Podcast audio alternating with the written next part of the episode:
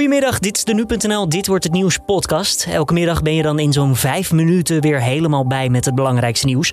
De Amsterdamse politie zoekt nog twee verdachten na de roofoverval van gisteren. De Belgische voortvluchtige militair is nog niet gevonden.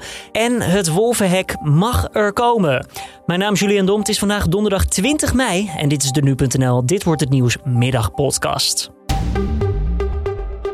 De Amsterdamse politie is nog steeds op zoek naar minimaal twee verdachten die gistermiddag betrokken waren bij de gewapende overval op een waardetransport in Amsterdam Noord. Het is niet duidelijk wat hun rol was. Gisteren heeft de politie al zeven verdachten aangehouden. Twee van hen raakten gewond. Een achtste verdachte overleefde de achtervolging niet. Ze komen allemaal uit België en Frankrijk. Dat bevestigde de politie net op een persconferentie. Deze vrouw die zag het allemaal gebeuren en verstopte zich in haar kledingkast, vertelt ze bij RTL Nieuws. Je zit in een hele slechte film. En er gaan in de kast gaan er uh, dingen voorbij dat je denkt.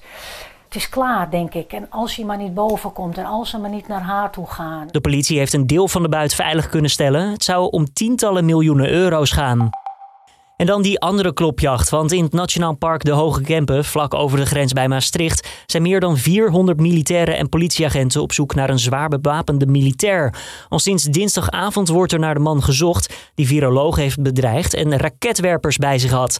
Het hele gebied wordt nu uitgekampt. Hoort de Belgische politie daarover. Wanneer iemand mogelijk uh, intenties heeft om een gewelddadige actie te plegen en dat we weten dat die vuurwapen gevaarlijk is en getraind en mogelijk in het bezit van zware vuurwapens, ja, dan is het alle hens aan dek en dan wordt er gezocht. Ook in de buurt van Leuven wordt gezocht naar de militair en dat gebeurt na een tip.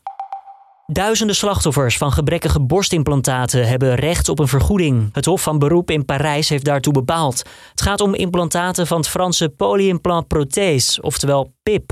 Zij vulden de implantaten met industriële siliconen in plaats van medische siliconen. Deze begonnen soms te lekken met grote gevolgen van dien. Het Duitse bedrijf dat nu een vergoeding moet betalen gaf veiligheidscertificaten af voor het product en wordt daardoor dus nu verantwoordelijk gehouden.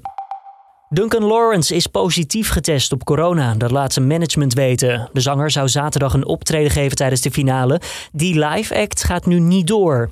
Dinsdag werd Lawrence nog negatief getest, maar hij ontwikkelde woensdag milde symptomen. Een sneltest liet vervolgens zien dat de zanger positief was. Lawrence zou zijn nieuwe single voor het eerst laten horen tijdens de finale, maar daar gaat dus nu een streep doorheen. Althans, door de live act. Want hij zal wel op een andere wijze alsnog deel uitmaken van de avond. Hoe is echter nog niet duidelijk. En het wolvenhek in Friesland mag er komen. Een Gronings advocatenkantoor heeft daar onderzoek naar gedaan. Het hek moet voorkomen dat de wolf makkelijk de provincie intrekt nu de wolvenpopulatie toeneemt in Nederland.